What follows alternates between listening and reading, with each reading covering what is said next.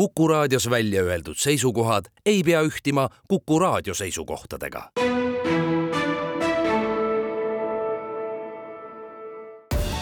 Tartu linnasaade tere kuulama saadet, mis räägib äh, Tartu hotellide aastast ja aastavahetusest, äh, liikumisaastast ja ülikooli liikumislabori Euroopa auhinnast äh, ning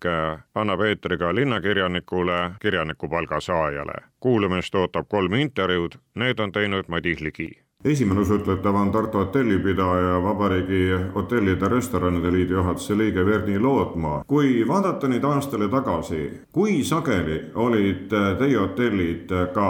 täis? no õnneks ikkagi neid päevi või öid, kus äh, kõik hotellitoad olid hõivatud, äh, neid oli, ega ma ei ole neid arvuliselt nüüd nagu täpselt kokku võtnud, aga noh, kindel on see, et neid äh, päevi oli vähem kui neid päevi, kus hotellitube oli, oli saadaval. ehk siis, kus äh, kõik hotellitoad ei olnud välja müüdud. Rally Estonia tõmbas rahva siia kokku? jah, Rally Estonia oli kindlasti üks äh, selline sündmus, mis, mis tõmbas siia palju rahvast kokku ja noh, Tartu Startup Day on kindlasti selline selline üritus, kuhu tuleb äh, palju rahvast ja noh, ega siis tegelikult tuleb öelda, et suurüritused ja nende korraldajad äh, on väga tublid, kui nad neid üritusi Tartus teevad, need kindlasti meie majutuskohtadele mõjuvad turgutavalt ja hästi, nad seavad meile väljakutseid kui inimesed Tartusse hotelli tulevad, siis äh, kas üheks ööks või pikemalt? eks äh, ikkagi sõltub sellest reisi eesmärgist ja, ja tegelikult eks meie huvi oleks, et nad oleksid siin võimalikult, äh, võimalikult mitu ööd. nädalavahetustel, kui me vaatame perereise, siis ikkagi tullakse kaheks ööks tüüpiliselt. nädala sees reisijad on sõltuvalt oma saabumise eesmärgist äh, ikkagi pigem sellised üheühised külastajad, aga on, on ka neid, äh, on ka neid inimesi, kes siis töö pärast peavad siin pikemat aega olema, aga, aga nad ei ole kindlasti domineerivad. Teil on hea võrrelda kesklinnas oleva Pallase ja Lõunakeskuse kõrval oleva Sofia vahel. milline see võrdlus oleks? no Sofia on pigem peredele orienteeritud hotell nädalavahetusel ja, ja nädala sees on ta siis, on ta siis eelkõige just sellisele ärituristile suunatud hotell, kuhu siis inimesed tulevad mugavalt, sest nad saavad sinna oma sõiduki jätta ilma, ilma probleemideta. Ja noh, kuna hotelli kvaliteet on, on hästi nende poolt vastu võetud, siis siis nemad nagu moodustavad seal põhilise klientuuri. Pallase puhul kesklinnas ei ole nagu tegelikult eh, nii suurt vahet et see vahe, mida me ju tegelikult kõige rohkem nagu praegu näeme, on see, et, et eh, meil ei ole taastunud grupituristid ja seda me näeme just, eks ole, Pallase näitel ja ilmselt näevad seda ka teised mitte ainult Tartu hotellid, vaid näevad seda ka kõik teised Eesti hotellid, et kõige rohkem me tegelikult ikkagi tunneme puudust nendest suvistest grupituristidest, ehk siis see segment on tulnud meil ära täita individuaalturistidega ja noh, eks me siis oma oskuste ja võimekuse piires seda teeme. kui suur osa Tartu hotellikülastajatest on välismaalased? No eks see on kuskile, ma arvan, et see jääb kuskile kolmandiku kaupa, ma ei ole päris, päris nagu viimast statistikat vaadanud, aga, aga suurusjärgus jah, ma arvan, et neid, neid välismaalasi on umbes, umbes kolmandik. mida toob teile aastavahetus? aastavahetus toob meile siia külalisi. kas meie majad päris täis tulevad või mitte, on täna natuke raske öelda, sellepärast et äh, niinimetatud short pick-up ehk siis äh, lühikese etteteatamisega ja lühikese etteteatamisajaga otsused äh, just eelkõige inimestele on see täna nagu väga, väga tavapärane, aga me loodame, et nad siiski tulevad enam-vähem täis. Väga suuri üritusi Tartus äh, sel aastal aastavahetusel ei ole ja eks noh, ka meid mõjutab kindlasti järjest rohkem see, et, et paljud meie kaasmaalased äh, selle asemel, et, et Eestis viibida ja uut aastat vastu võtta, on siin viimastel päevadel lennukite peale astunud ja sõitnud hoopis teistesse riikidesse. no mida tuleb tunnistada ilmselt võrreldes Tallinnaga, on see, et et soomlased siiski sellisel määral ei jõulu ega aastavahetust äh, Tartusse pidama ei jõua, kui, kui seda ma kuulen oma Tallinna kolleegide käest siit kabineti aknast ma vaatan Vanemuise poole, ma vihjan sellele sellepärast, et äh, te olete aastaid andnud ka Vanemuisele stipendiumi ehk toetanud teatrit. kas hotell ja teater teevad ka omavahel koostööd, et vot meil on selline pakett, tulge aga, saate soodsamalt? muidugi teeme seda koostööd, teeme seda aastaringselt ja noh, ega siis ka terve hulk inimesi, kes saabuvad väljaspool Tartut, näiteks Vanemuise aastalõpupallile, mis ei ole küll aasta viimasel päeval, aga aasta eelviimasel päeval tulevad ja ööbivad, ööbivad siin meie juures Pallases. hea lähedal minna, pärast hea lähedal ka tulla. kas on selliseid kundasid ka, kes ütlevad, et ma tulen aastavahetuse seda tulevärki vaatama, Tartu ilutulestik enam ei korralda, kuid valgusmänge küll ja sellepärast tahan just saada teile hotelli kohta? Jah, ei muidugi on. Ja, ja noh, kesklinna hotellis on ju tegelikult see võlu, et, et sa, kui sa ikkagi oled oma kõrgemal korrusel ja toad asuvad kõrgematel korrustel, siis sa saad seda nii-öelda rahus ja, ja, ja vaikuses ja oma seltskonnaga kenasti nautida kõike seda meelelahutust, mida, mida, mida linn pakub. Ja tõenäoliselt pakutakse päris vägevat, vägevat meelelahutust ka sellel aastal, et hoolimata sellest, et ei ole pauke, siis, siis siis toredat valgusetendust lubatakse, igatahes selle, selle tarbeks lausa suletakse peamagistraal jõe ääres, nii et ettevalmistused tõenäoliselt on väga tõsised see aasta on kahandanud Tartu hotellide nimekirja, sellepärast et aastaid müügis olnud Draakon Raekoja kõrval on nüüd leidnud uue omaniku ja kuuldavasti ei tule sinna mitte enam hotell, vaid tulevad korterid. mida see tähendab Tartu hotelliturule? noh, eks see tähendab seda, et nelikümmend üks numbrituba on Tartu hotelliturul vähem. samas ma arvan, et tegelikult nii nagu me teame, et, et nii-öelda paljud eraisikud on hakanud lühiajalist majutust pakkuma, siis tervikuna majutusvõimaluste osas Tartus ei muutu noh, väga oluliselt mitte midagi. aga tegelikult äh, veel olulisem asi, mis äh, minu meelest seda mööduvat aastat iseloomustab, ei ole mitte see, et nüüd kuskil mõni hotellituba tuli kas juurde või, või jäi seda vähemaks. tegelikult üle pika aja oli meil esimene aasta, kus meil ei olnud Covidiga seotud piiranguid milliste ootuste lootustega vaatad, Erni, aga järgmisele aastale, kui Tartu on Euroopa kultuuripealinn, kui palju see võib rahvast liikuma panna ja hotellidele ka tööd ja leiba anda? noh, ega ma seda lõpuni ei tea, aga, aga me kindlasti oleme ootusärevad jah, me kindlasti oleme ootusärevad ja oleme sellesse, selles, nendesse üritustesse nagu noh, selles mõttes panustanud, et meie, meie valmidus külalisi vastu võtta on sajaprotsendiliselt olemas. me täna näeme seda, et, et siin jaanuaris, kui toimub startup day ja toimub ka suurejooneline Tartu kaks tuhat kakskümmend neli avamine, siis see kindlasti toob meile palju tööd. mis nüüd edasi juhtuma hakkab, on on nagu keeruline öelda, aga siiski noh, vaadates just niisugune maikuusse ja juunikuusse, siis, siis noh, ma olen nagu optimistlik selles mõttes, et mitmed sellised varasemalt Äh, enne Covidit toimunud üritused, äh, näib mulle, et need hakkavad Tartusse jälle nagu taas tulema.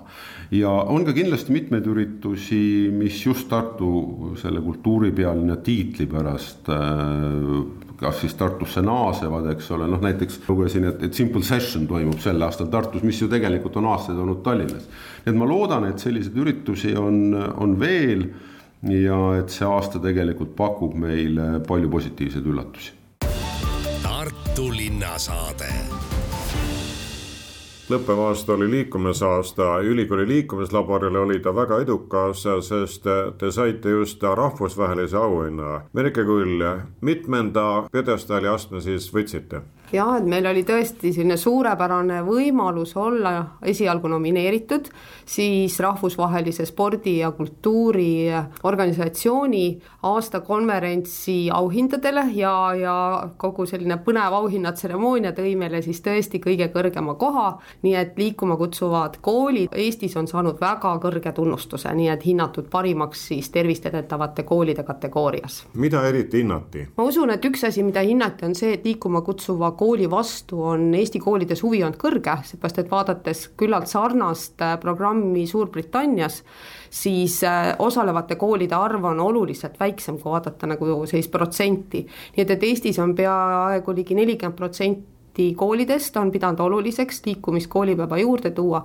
ja see kindlasti oli nagu oluline selline otsustustegur, seepärast et ka teistes programmides tihtipeale oli nagu ühe regiooni põhine või või siis ühe linna põhine, aga kuna me oleme tõesti siis praegu üle-eestiliselt toimetanud, äh, koolid on toimetamas, siis äh, see võis olla üks selline kaalutegur kas see auhind tähendab üksnes märkamist, tunnustamist kolleegide poolt või käib sellega veel midagi kaasas? Kindlasti see on eelkõige tunnustus selles osas, et me oleme nagu ka rahvusvaheliselt eeskujuks ja, ja see mõtteviis, et haridus ja liikumine ja sport on omavahel tihedalt seotud, et see kindlasti annab sellist julgust äh, toimetada ja, ja indu juurde, et, et see on õige tee, mida me oleme valinud ja rahvusvaheliselt on, ollakse liikumas ka samas suunas, nii et, et võib-olla eelkõige on see kõige tähtsam. Ja lisaks sellele kaasnes siis ka äh, rahaline auhind, mida me siis praegu veel hetkel pole kätte saanud, see oli siis äh, kolm tuhat eurot.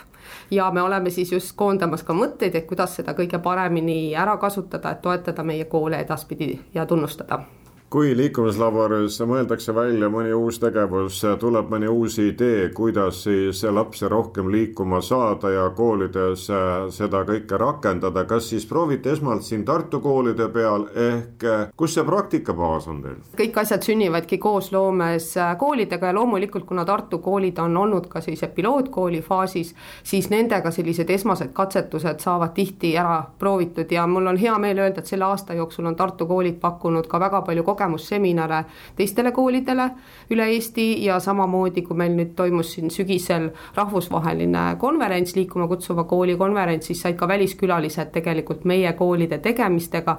tutvuda, Tartu koolide tegemistega ja olid väga nagu üllatunud, et kuivõrd head tööd tehakse meie koolides Tartus kui seda Inglismaa ja Eesti võrdlust tuua, mis see vahe on siis, et kui tublid me oleme siis inglastega võrreldes? niimoodi otseselt öelda, et kui tublid me oleme, ma arvan, et kõik koolid on väga tublid, kes üldse nagu toimetavad, aga just see, et meil võib-olla Eestis ongi äh, saanud nagu selliseks levinumaks mõtteviisiks just seesama õppimise ja liikumise omavahel äh, sidumine, see, et need üksteist toetavad ja ja ka sotsiaalseid suhteid aitab luua ja iga koolipäev saab sisaldada nagu liikumist, et võib-olla sinna tervik ja süsteemne lähenemine, et meil on koolipäev nagu võetud erinevateks osadeks, eks ju, alustades sellest, kuidas kooli tullakse, mida vahetundides tehakse ka ainetundides sellise järjestikuse istumisaja vähendamine ja kindlasti ka huvitegevused, mis siis kooli juures, need võivad olla sporditreeningud või huvitreeningud, et ka nende sidumine siis igapäevategevustega koolis, et võib-olla just selline süsteemsus millise sihi olete uue aasta peale maha pannud, mitu kooli peab veel liituma siis liikuma kutsuva kooliprogrammiga, mida te tahate saavutada? praeguse seisuga on meil kakssada üheksa kooli ja meie tegevused on väga suurel määral on seotud just nooremate õpilastega. Ja järgmise aasta üheks sihiks on kindlasti gümnaasiumiastmes tegevuste arendamine, et me oleme juba teinud esimesed uuringud gümnaasiumiastme õpilastega ja väga sisukad, mida õpilased ise näevad, mis võiks nende koolipäevades liikuda. Ja kindlasti on oluliseks suunaks ka see, et me eh, tahame leida häid koostööpartnerid erinevates eh, kohalikes omavalitsustes või maakondades, kes siis oleksid nagu kohapeal sellised liikumise liidrid või liikumise eestvedajad ja oleksid toeks koolidele, seepärast et meil igapäevaselt üle kahesaja kooliga kontakti hoidmine on osutunud juba omajagu väljakutseks, nii et selline piirkondlik areng ja tugiisikute leidmine koolidele igas piirkonnas, et see on kindlasti teine oluline siht saade läheb edasi ja nüüd on mikrofoni ees Mege Keränen, endine Tartu linnakirjanik, endine selles mõttes, et see tiitel antakse üheks aastaks. kuidas sina siis tartlasena hindad seda aastat, mis kohe mööda saab? minu jaoks oli aasta natuke eskapistilik või Eesti need võõrsõnad on nii keerulised. ma põgenesin, ma põgenesin äh, sõda ja kõike muud jubedat äh, raamatute maailma. ma lugesin väga palju ja huvitaval kombel äh, Armando sarjas sai lausa kaks raamatut välja antud see aasta, et ma mõtlesin, et no kui teine tuleb ka, et äh, ega miks ma peaksin siis äh, end tagasi hoidma, kuna ma ise ka kirjastan oma raamatuid, et ja Kontraga tegime ühe raamatu veel ja ühe tõlkekogu andsin välja Soomes, nii et muudkui kirjutasin, muudkui kirjutasin, et võib-olla rasketel aegadel ikkagi sõda käib, on just raamatut, on, on minu jaoks olnud see koht, kuhu põgeneda ja huvitav oli lugeda, eile Helsingin Sanomat kirjutas sellest, kuidas sõdurid loevad Ukrainas kaevikutes ilukirjandust paberikandjal ka selleks, et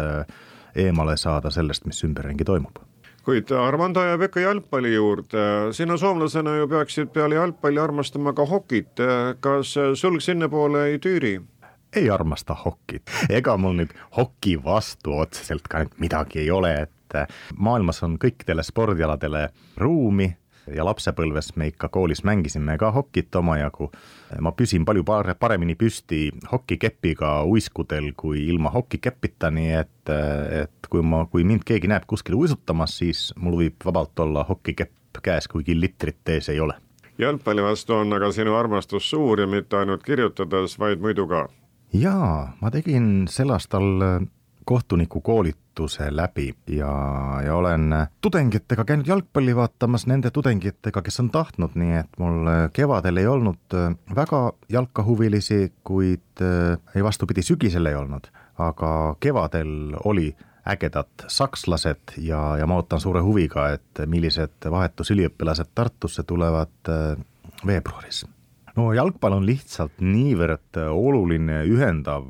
tegur maailmas üleüldse, on ta siis äh, tudengid või mäletan Haridus- ja Teadusministeeriumi aegadest, et äh, jalgpallist võib rääkida igal pool ükskõik äh, kellega ja, ja see ühendab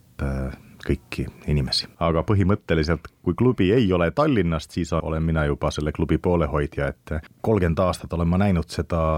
kuidas Eesti riigist on saanud Tallinna riik ja ma püüan ikka jonnida selle vastu. kui sa käid äh, lugejatega kohtumas, kirjanik ju käib sageli ja lasteraamatute kirjutaja samamoodi, siis äh, kas võetakse üles see, mida sa oled juba kirjutanud või tahetakse sinuga rääkida ka kõigest muust? ikka räägime, räägime absoluutselt kõigest ja ma olen mõelnud isegi, et võiks kunagi kirjutada sellise raamatu, mille pealkiri võiks olla pikalt, et saaks pikalt vastata laste küsimustele, sest tihtipeale neil on väga lahedaid küsimusi, aga kahjuks on äh, aeg üsna lühike ja siis ma kuidagi kiiresti vastan sellistele küsimustele, mis vääriksid äh, pikka rahulikku mõtisklust, mida väiksemad koolid, mida väiksemad äh, grupid, kellega ma kohtun, seda parem on seal asju arutada, et siis saab küsimusi veel üle küsida ja tekib selline vestlus. lapsed julgevad küsida kõike ja ma ütlen ka lastele alati, et Teie võite küsida minu käest kõike, kui ma uksest välja lähen ja tuleb ajakirjanik, kes küsib, et kas sa päriselt ütlesid siis seal niimoodi lastele nõndamoodi, siis ma ütlen, et ei. Aga lastele ma räägin kõik ausalt, ükskõik, mida nad küsivad lastega ei ole sa seotud mitte üksnes kui kirjanik, vaid sa oled ka olnud õpetaja küll Jõgeval ja küll ka mujal. sellesse aastasse sul koolmeistritööd ei jäänud või siiski? natuke veel on, et, et ma lubasin, et ma õpetan kahte rühma sügisel lubasin ja ka kirjanikupalga taotluses ütlesin, et kohe ma õpetajaametit seda poole koormusega tööd maha panna ei saa, aga, aga suvel on vabadus ja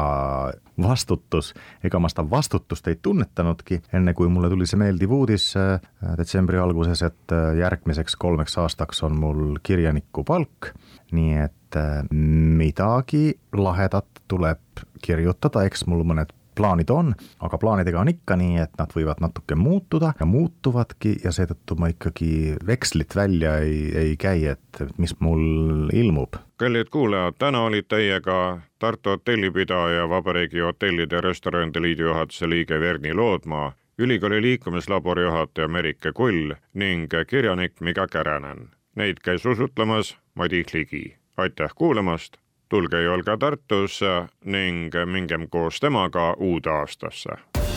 Tartu linnasaade